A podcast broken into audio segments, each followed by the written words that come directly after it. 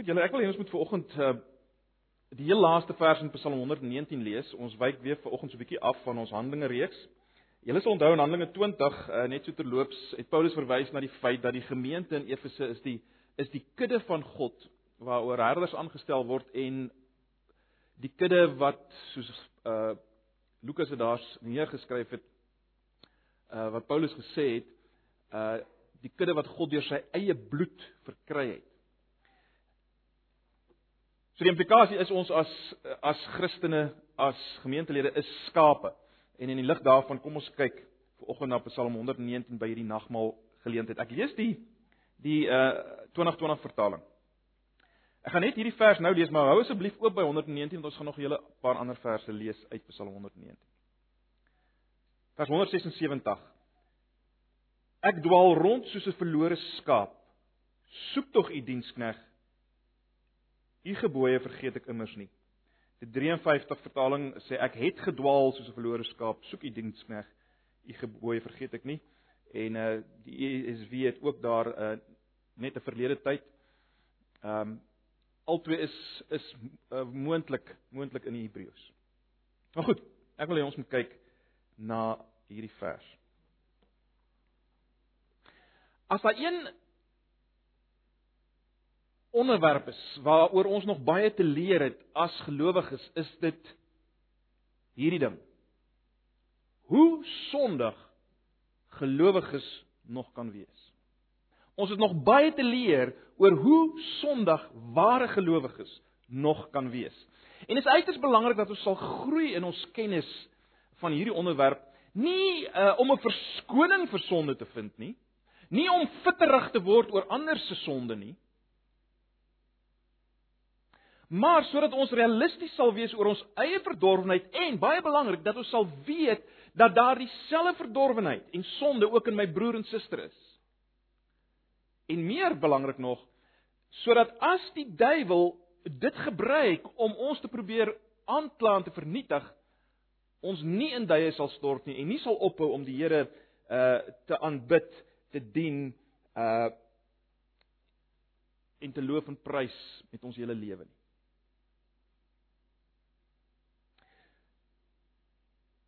Ek dink tog 'n bestudering van hierdie laaste vers van Psalm 119 gee vir ons insig in die ware karakter van 'n van 'n man van God. En ek glo werklik my my oortuiging is dat elkeen van ons wat ver oggend sensitief is, sal hierdeur bemoedig word deur dit wat ons hier sien. Julle sal sien die Psalm begin met 'n belydenis. Soos die 2020 het stel, ek dwaal rond soos 'n verlore skaap. Daar is dit amper meer iets wat gedurig deur gebeur. Die 53 sê ek het gedwaal soos 'n verlore skaap. Met ander woorde, weg van my herder, weg van my God. Ek het geloop waar ek nie moes loop nie. Ek het gewy waar ek nie moes wy nie. Ek het gedink, gesê, gedoen wat ek nie moes dink, sê en doen nie. Dis wat hy sê. Nou, dis baie duidelik 'n belydenis van geestelike afdwaling. Dis 'n belydenis van geestelike afdwaling. Dit het niks te doen met 'n uh, met fisies nie, né? Dis dis baie duidelik 'n belydenis van geestelike afdwaling. Dis interessant dat dieselfde woord word gebruik in Jesaja 53 vers 6 as daar na die algemene sondige toestand van mense verwys word. Ons het almal gedwaal soos skape. En dan uh word dan natuurlik verwys na wat die knegt van Jesaja 53 gedoen het wat ons natuurlik nou weet is Jesus. So dis wat dis waaroor dit hier gaan oor geestelike afdwaling. Miskien het jy net 'n vraag by die stadium, uh, miskien voel jy Jakobus, maar kan ons uh, kan ons so Ou Testamentiese gedeelte gebruik uh om om iets te leer daarvan? Wel onthou, ons het nie nie hier te maak met 'n gewone Israeliet nie. Ons het te maak met Dawid, iemand wat die gees van God gehad het. Uh jy sal weet ook in Psalm 51 sê hy neem nie u gees van my weg nie. Uh jy sien die kenmerk van die nuwe verbond is dat die gees oor almal uitgestort word. Onder die ou verbondsbedeling was daar sommige wat die gees gehad het en een van hulle was Dawid. Uh oor die algemeen word dit aanvaar dat Dawid wel hierdie Psalm geskryf het. So ek dink tog ons kan dit neem vir ons en en ek dink dit word bevestig as ons begin kyk wie is hierdie man uh wat hierdie belydenis doen. Hier's 'n paar dinge wat ons moet raak sien. Eerstens is dit is dit 'n man met 'n intense liefde vir God se woord. Kyk net gou na vers 148. Kyk net gou na vers 148. Lees nou maar weer die 2020, né? Nee. Met oop oë gaan ek elke nag waak in sodat ek oor u woord kan nadink. Sodat ek oor u woord kan nadink. Baie duidelik 'n man met 'n intense liefde vir God se woord. Maar meer as dit, ons sien ook hy's 'n ou eh, wat gekenmerk word deur 'n nederige afhanklikheid en 'n ernstig 'n 'n ernstige smeekgebed. Dit dit was deel van sy lewe. Nederige afhanklikheid, ernstige gebed, smeekgebed. Kyk net gou na vers 33 tot 40.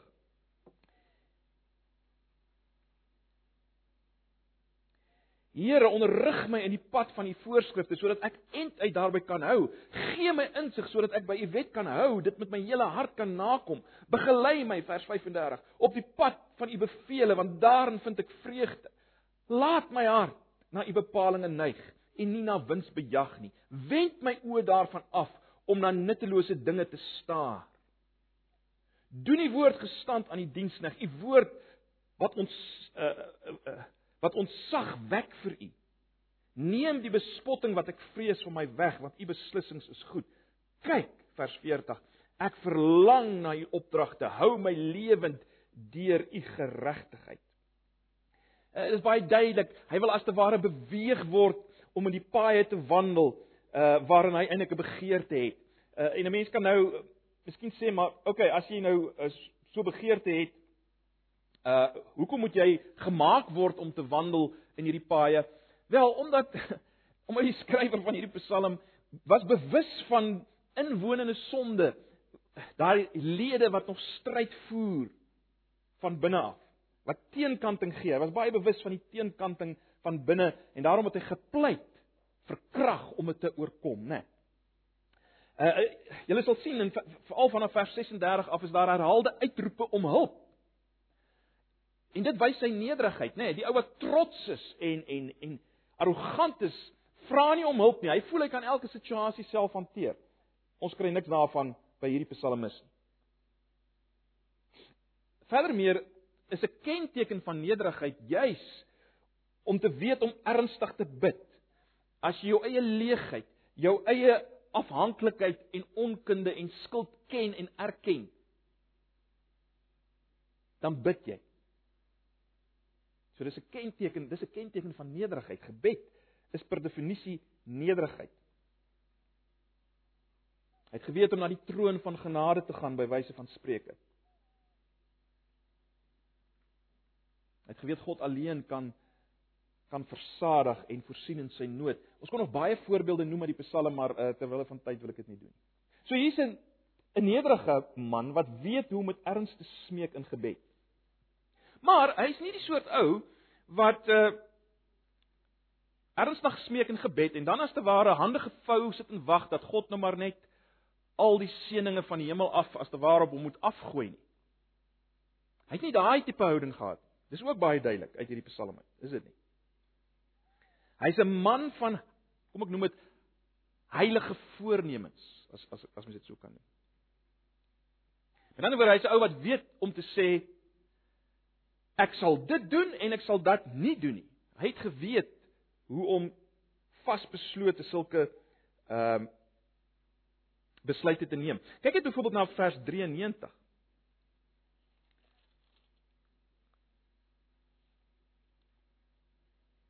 Hy sê: "Tot in ewigheid sal ek u opdragte nie vergeet nie, want daardeur het U my lewend gemaak. Nou, onmiddellik sal ons sê, "Jo, hierdie ou is bietjie hoogmoedig, hy's bietjie aanmatigend." Ek meen, om net vir 'n oomblik nie die opdragte van die Here te vergeet nie, is al klaar 'n groot ding, maar hy sê ek sal dit tot in ter ewigheid nie vergeet nie. Uh is dit nie arrogansie en hoogmoed nie? Wel, ons het gesien, nee, dit is nie. Hierdie is 'n nederige man, hierdie is 'n biddende man, maar hy's gedetermineerd om te doen wat reg is. Hy's gedetermineerd. Kyk dit gaan op vers 106 ook. As hy sê ek het 'n eed afgelê. Ek het 'n eed afgelê en daarby gehou om u regverdige beslissings na te kom.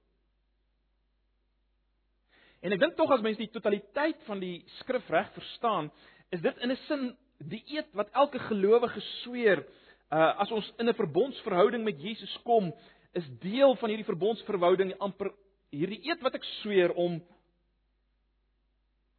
God se mens te wees, nê, nee, om om om hom te eer en te dien. Maar goed, dis dis die outeer van hierdie belydenis. Ek dwaal soos 'n skaap of ek het gedwaal soos 'n skaap, soos 'n verlore skaap. Dis dis die ou wat dit sê. Baie belangrik, eh, ons moenie tot die gevolgtrekking gekom dat hierdie is 'n eh, dat hierdie 'n morbiede ou is. Ou wat heeltyd net na binne staar en morbied is nie. Uh glad geheel en al nie. Party mense dink dat vaste voornemens uh ontneem jou van diep vreugde, maar dis nie waar by hierdie psalmis nie. Kyk gou na 'n paar verse. Kyk gou na uh, vers 62. Ehm um, Vers 62 waar hy sê: "In die middel van die nag staan ek op om U te prys oor U regverdige beslissings." Staan op om U te prys. Vers 108 kry ons dieselfde Laat die vrywillige offers van my mond tog vir U aanvaarbaar wees, Here. Dis duidelik ook lofprysing vers 164 miskien, vers 164. Uh waar hy sê sewe keer per dag loof ek U. Kan weer sien hy, hy, hy daar's ook planmatigheid in sy lewe. Sewe keer per dag loof ek U oor U regverdige beslissings.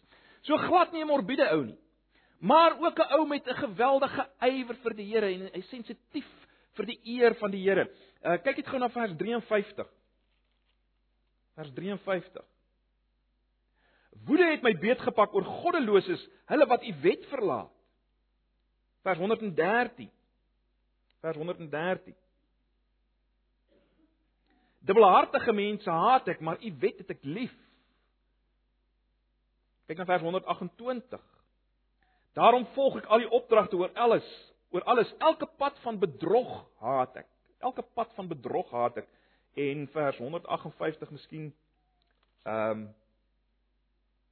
waar hy sê ek het ontroues gesien en dit het my met weerstand vervul dat hulle u woord nie onderhou nie so hier's 'n ou wat uh, uit 'n ywer vir vir die Here en sy woord en dit maak vir hom uh, dit, dit ontstel hom as as as die mense God nie eer nie. Maar baie belangrik, dit het hom nie hardvogtig gemaak nie. Mag dalk so klink, maar dit het nie. Kyk na vers 136. Kyk gou na vers 136. As hy sê strome water vloei uit my oë omdat mense nie u wet nakom nie. So met ander woorde, hy huil oor mense wat nie die Here dien nie. Binne die ou verbondskonteks. Hy huil daaroor. Hy huil oor sonde rondom hom.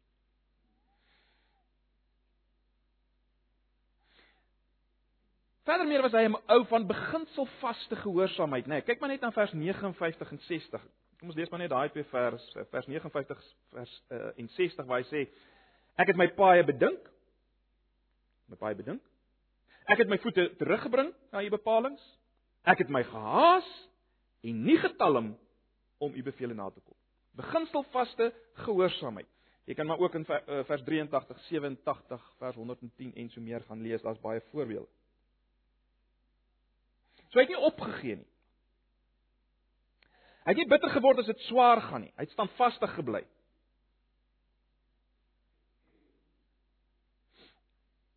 Kyk net na vers 141 byvoorbeeld. Ehm um, Hy sê ek is klein en word geminnig, maar die opdragte vergeet ek nie. Ook in die ander verse wat ons nou nie gelees het nie, sien mense hy teenkanting gekry en swaar gekry, maar Hy was nie soos die uh soos die saad in die gelykenis wat Jesus sê van die saaier wat uh, vinnig opgekom het en as daar teenkant toe kom het dit verdor nie. Nee, hy het, hy het voortgegaan al het hy teenkanting gekry. Dis die man wat hierdie belydenis maak. Maar daar's nog meer om te sien van hierdie man. Hierdie man is ook 'n man van diep insig en volwassenheid. Kyk gou na vers 98 tot 100. As hy sê u gebod maak my wyser as al my vyande, want is altyd daar vir my. Ek is verstandiger as al my leermeesters, want u bepalinge is vir my stof tot nadenke. Vers 100: Ek het meer insig as ou mense want by u opdragte hou ek. So ons het nie te maak met 'n groentjie nie. Ons het nie te maak met 'n impulsiewe jong Christen nie. Hy's volwasse, hy het geweldige kennis van die woord gehad, gemeng met ervaring, hy het wysheid gehad. En tog sê hy hy het gedwaal soos 'n skaap of ek dwaal soos 'n skaap. En meer nog, hy was iemand wat voorheen afgedwaal het en teruggekom het. Kyk gou na vers 67 en 71. Vers 67 en 61. Uh ja, 67 en 71. In vers 67 sê hy voordat ek swaar beproef is, was ek aan die dwaal. En kyk na vers 71, dis goed vir my dat ek verneder was sodat ek die voorskrifte kon leer. So hy is ou wat al voorheen hierdie pad gestap het.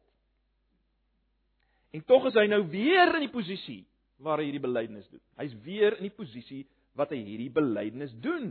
Hy vergelyk homself met 'n verlore skaap. En ek het reeds gesê dis 'n dis 'n geestelike belydenis. Uh maar maar ons weet 'n skaap word gekenmerk deur dwaasheid. So so hy onderstreep die dwaasheid van sonde. Hy hy, hy was soos 'n dom dier. Hy was soos 'n dom dier. Hierdie man waarvan ons al hierdie dinge gelees het. Was soos 'n dom dier. Hy onderstreep die geneigtheid van sy hart om te sondig. Uh ons weet wel behoort van ons weet dalk van ons weet dalk nie, maar skape wil altyd in die verkeerde rigting voeter. Dis hoekom jy 'n skaaphond moet hê of wat ook al. En dit beklemtoon maar net met ander woorde, hy beklemtoon die gereedheid as te ware van sy hart om om ongehoorsaam te wees aan en weg te gaan van die herders, die geneigtheid van sy hart. Maar goed, dis die belydenis wat hy doen. Kom ons kyk net vinnig na sy versoek. As hy sê ehm um, soek tog u dienskneg. Soek tog u dienskneg of u kneg. Wat wys dit vir ons? Dit wys ons dat hierdie man is bewus van 'n blywende verhouding met God, ten spyte van wat hy nou gesê het. God was sy God, Hy is God se dienskneg. Het geen twyfel daaroor. En hy het geweet hy moes rekenskap gee aan hierdie God. Hy het geweet hy's verplig tot gehoorsaamheid aan hierdie God. Hy's die knegg van hierdie God. Hy's die dienskneg van hierdie God. Hy skuld God gehoorsaamheid. En dan word hy steeds bewus van sy verhouding met God. Dis steeds vir hom 'n werklikheid. Dis steeds vir hom 'n werklikheid. Hy's in verhouding. Soek u knegg. En net wel hy sê soek my Here. Hoekom sê hy dit? Want ek is nie in staat om self terug te keer nie. Jy sien dis nie 'n verskoning. Ek gebruik nie as 'n verskoning om nie te bekeer nie en nie berou te hê nie. Ons het reeds gesien, hierdie ou is 'n ou van vaste voornemens. Dis nie waaroor dit gaan nie. Nee, dis 'n uitdrukking van die bewustheid van sy swakheid. Dat hy 'n skaap is. Hy kan nie self terugkeer nie. Net soos 'n skaap dit nie kan doen. Dis nie 'n uitroep van wanhoop nie, let wel, dit is juis 'n uitdrukking van ware geloof. Niks in my nie, alles in U. Dis geloof. Dis wat hy hier uitdruk. Geloof, ware geloof. Sy begeerte is om nie 'n minuut langer in hierdie toestand te wees nie. Wat is jou reaksie? Wat is my reaksie? As ons afdwaal in gedagtes en optrede. Is dit dit? Here, ek is 'n verlore skaap. Bring my terug, Here. Goed, so ons het nou sy belydenis gesien, ons het sy versoek gesien. Kom ons kyk 'n bietjie na sy na 'n verdere argument om as te ware sy versoek te versterk, 'n argument om sy versoek te versterk. Die laaste gedeelte van vers 176. As hy sê: "U gebooie vergeet ek immers nie." Nou, ons moet dit reg verstaan. Hy sê nie hiermee Ag, Here, my sonde is nie so erg nie want die hele tyd wat uh, ek gedwaal het, was u gebooie nog hier iewers in my kop, uh, in my gewete. Hy sê ook nie ag, uh Here, wat ek gedoen het is nie so erg nie want vir 'n deel van die tyd ek nog het ek nog steeds aan u gebooie gedink. So antwoord asseblief my gebed, Here. Want dis daarom wat ek gedoen het. Ek het daarom nog aan u gebooie gedink. Dis nie wat hy doen nie. Uh, dis nie wat hy hierdeur wil sê nie. Uh, hy wil nie die erns afmaak van sy sonde nie. Wat hy hierdeur onderstreep is bloot die feit dat hy steeds in 'n verbondsverhouding met God is. Hy steeds in 'n verbondsverhouding van God. Ons weet die jy moet my volk wees kant van die ou verbond het daai bestaan dat jy God se insetting, al die insettinge wat hy gee, onderhou. Ek wil vir jou God wees, jy moet my mens wees. So al wat hy hierdeur sê is ek is steeds in 'n verbondsverhouding met u. Met ander woorde, hy's nie 'n verbondsverbreker nie. Hy het nie afvallig geraak van die lewende God om dit so te stel nie. Sy begeerte was steeds God in die verbondsverhouding met God. Ek dink dit is baie belangrik om dit raak te sien. In al sy sonde en al sy bewustheid van skuld, het hy dit geweet. Ek steeds deel. Ek is steeds in 'n verbondsverhouding met God. Ek het steeds u insettinge lief. En ek wil terugkeer met my hele wese.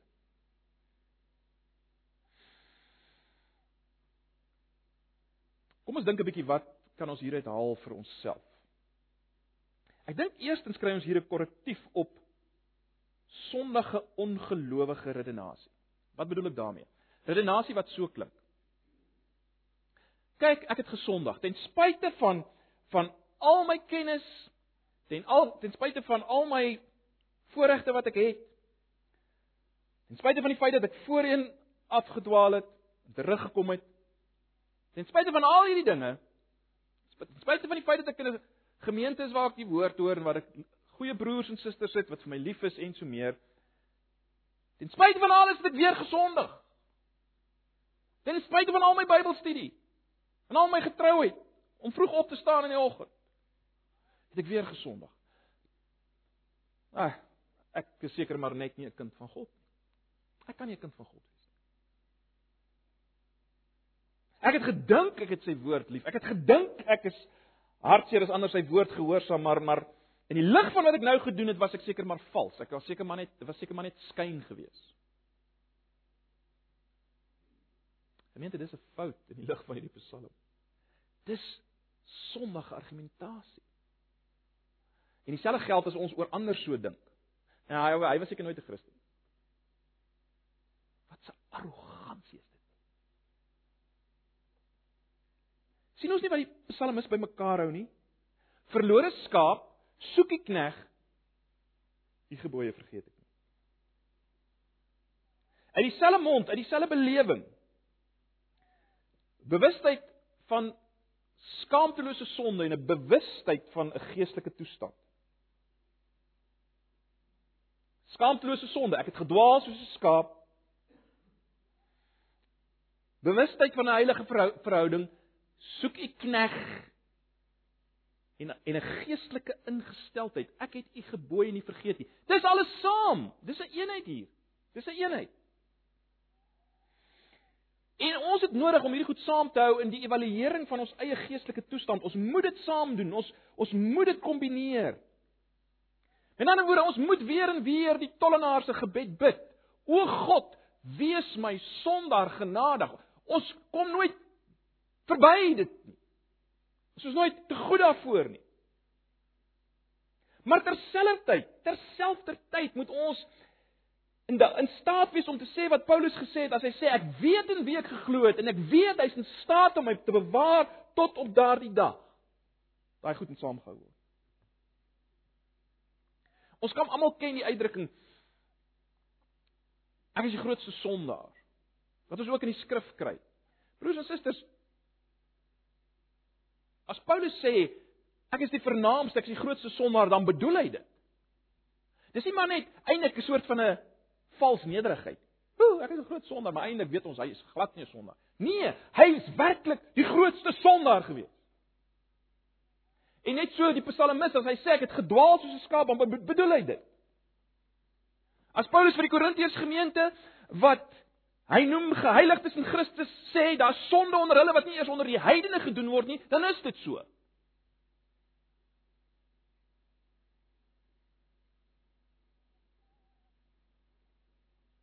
Dis nie hiperbole wat gebruik word.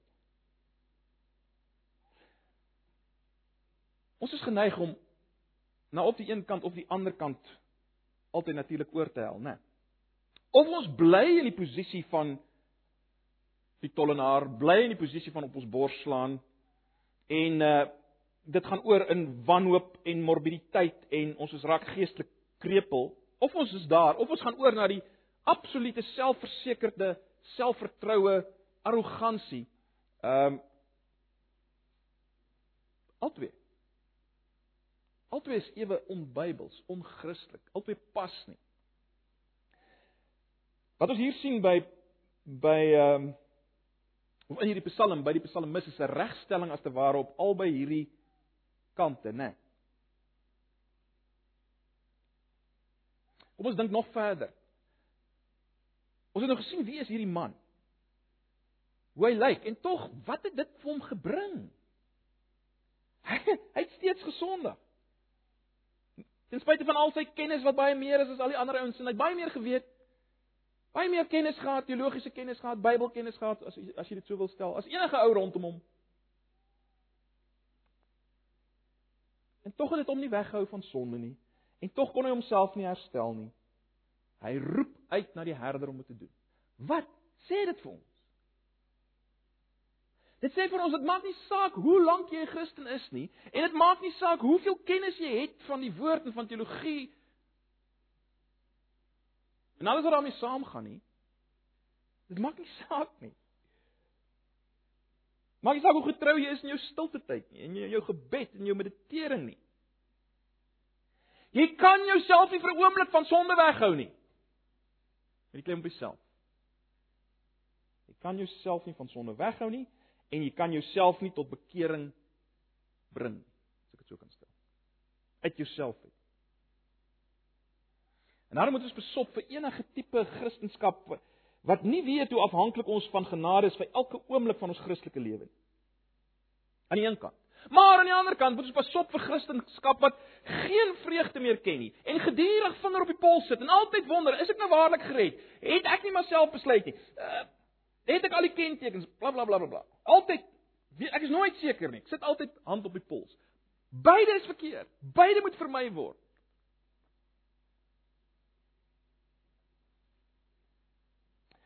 Die psalmis het sy hulpeloosheid gevoel, maar dit het hom nie verhinder om alles te doen wat hy kon om God te behaag. So mense, hier is hier is hier is regtig 'n oproep tot bekering, né?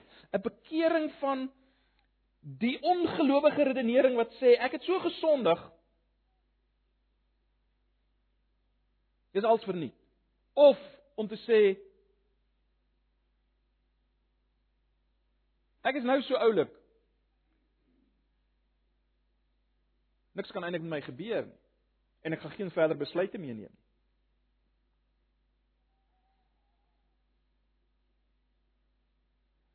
Ons moet bekeer as as ons in daai toestand is waar ons misluk het. Ehm um,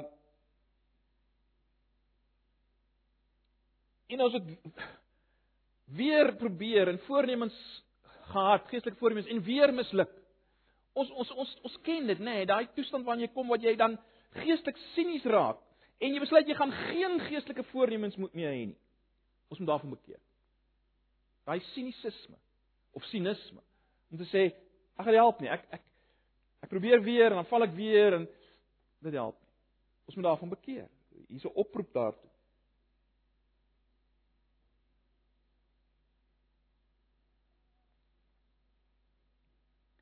Die feit dat jy gesondig het, beteken hoe genaamd nie dat jy nou alles moet opgee en dat jy nie meer in 'n verbondsverhouding is nie en so meer nie. Dat jy nie meer sy diensknegt kan wees nie. Ons moet bekeer van sulke redenasie. Die, hele punt is nee. Dis nie wat die psalmis hier sê nie. Dis nie die, die logika van die psalmis nie. Maar terselfdertyd bekeer ook terselfdertyd.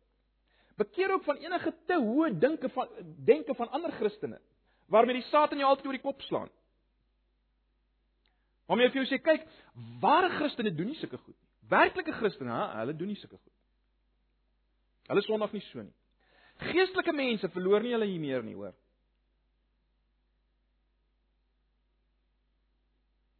Hulle kom verby die punt. Wie sê hulle kom verby daai punt? Dis teenstrydig met wat ons hier sien. En weer eens soos ek sê, die res van die Bybel bevestig dit, selfs in die Nuwe Testament. Weer eens gaan kyk na Korintiërs. Moenie dat die Satan jou daarmee intimideer nie. En en hoekom slaag die Satan dikwels om ons te intimideer daardeur? Hy slaag om ons te intimideer omdat ons hoogmoedig is. Ons wil daai geestelike ou wees wat daarom vir een week ten minste op my eie kan aangaan. Ek het nie nodig om my gesig te gaan lê voor die Here en te pleit vir genade nie. Nee, ek wil staan. Ek wil ek kan self aangaan. Ons is nie bereid om daai posisie in te neem nie. En dis hoekom die duiwel slaag um, om ons aan te val. Hy slaag dan as ons so dink, slaag hy daarin om vir ons te sê geestelike mense doen nie sulke dinge nie. En dan luister ons. Ons gee in. Ons moet besef dat die mees geestelike man op aarde is absoluut afhanklik van genade vir elke tree. Elke oomblik om jou van sonde te weer, te weerhou. Maak nie saak wie jy is. Ons moet bekeer van ons geweldige hoë denke van sekere godvreesende mense. Bekeer daarvan. Maar bekeer ook van die moegheid om te bekeer. Bekeer van die ongeloof in God se herstellende genade. Daarvan moet ek en jy ook bekeer. Bekeer van die moegheid die of die ongeloof in God se herstellende genade. Die Here is die herder van jou siel. Ag, ons moet weer Psalm 23 lees en ek gaan iets in daai lyn I mean nou net afsluit, maar roep na die Here om jou te soek en jou te herstel. Hy het sy lewe vir jou gegee. Hy's verbrysel vir jou toe jy nog 'n vyand was, toe jy nog 'n goddelose was, toe daar nog niks in jou was wat hom aangetrek het na na jou toe nie. Toe het hy jou reeds volgens Romeine 5 versoen. Geweldig, broers en susters. Hy sê hy het sy lewe afgelê vir die skape en hy sê niemand sal jou uit sy hand ruk nie. Dis wat hy sê. Wat 'n verlosser. Wat 'n verlosser. Ek en jy beledig hom as ons as ons moeg is van bekeer. As ons moeg raak vir ernstige gebed om ons om ons siel te herstel om dit so te stel. Ons beledig hom. Hierdie verlosser. As jy vanoggend nie hierdie herder ken nie, dan pleit ek jou, vlug na hierdie herder, leer hom ken. sien wie hy is. Maar goed, laastens, ek ek dink as ons terug staan, dan moet ons sê dat hierdie Psalm gee vir ons 'n 'n heilige dosis realisme, nie waar nie? En ons sien dit uit die feit dat die Psalm so eindig. Die hele Psalm eindig so.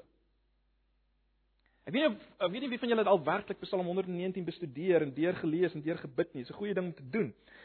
Ek meen as jy besig is met hierdie Psalm dan staan jy beskaam. As jy enigstens eerlik is, dan staan jy beskaam oor jou eie hart en jou eie ongeestelikheid.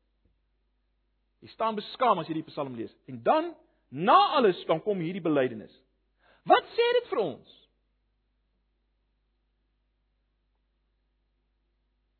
Dit sê vir ons Dis die lewe van 'n gelowige. Dis die lewe van 'n gelowige. En dit sal ons lewe wees totdat die besyn blaas en Jesus weer kom.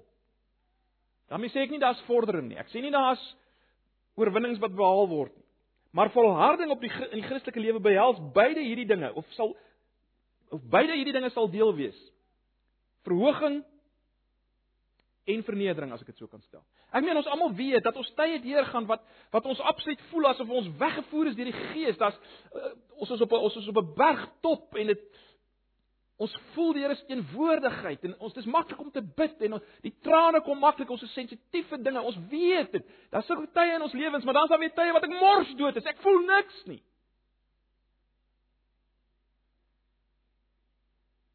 Wel beide is deel van die Christelike belewenis, dis wat hierdie Psalm leer. Die hoogste note van dank en heilige vertroue word gekombineer met die diepste uitdrukkings van selfvernedering uh, selfvernedering uh, vernedering in die Christelike uh, Christelike lewe, nie waar nie? Nie laat iemand jou sê daar's 'n vertel daar's 'n geheime sleutel wat wat jy net moet vind om uit alles uit te styg op 'n hoër vlak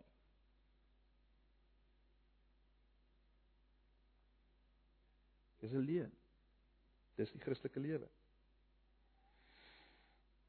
Is jy realis? Is jy realisties oor jou Christelike lewe?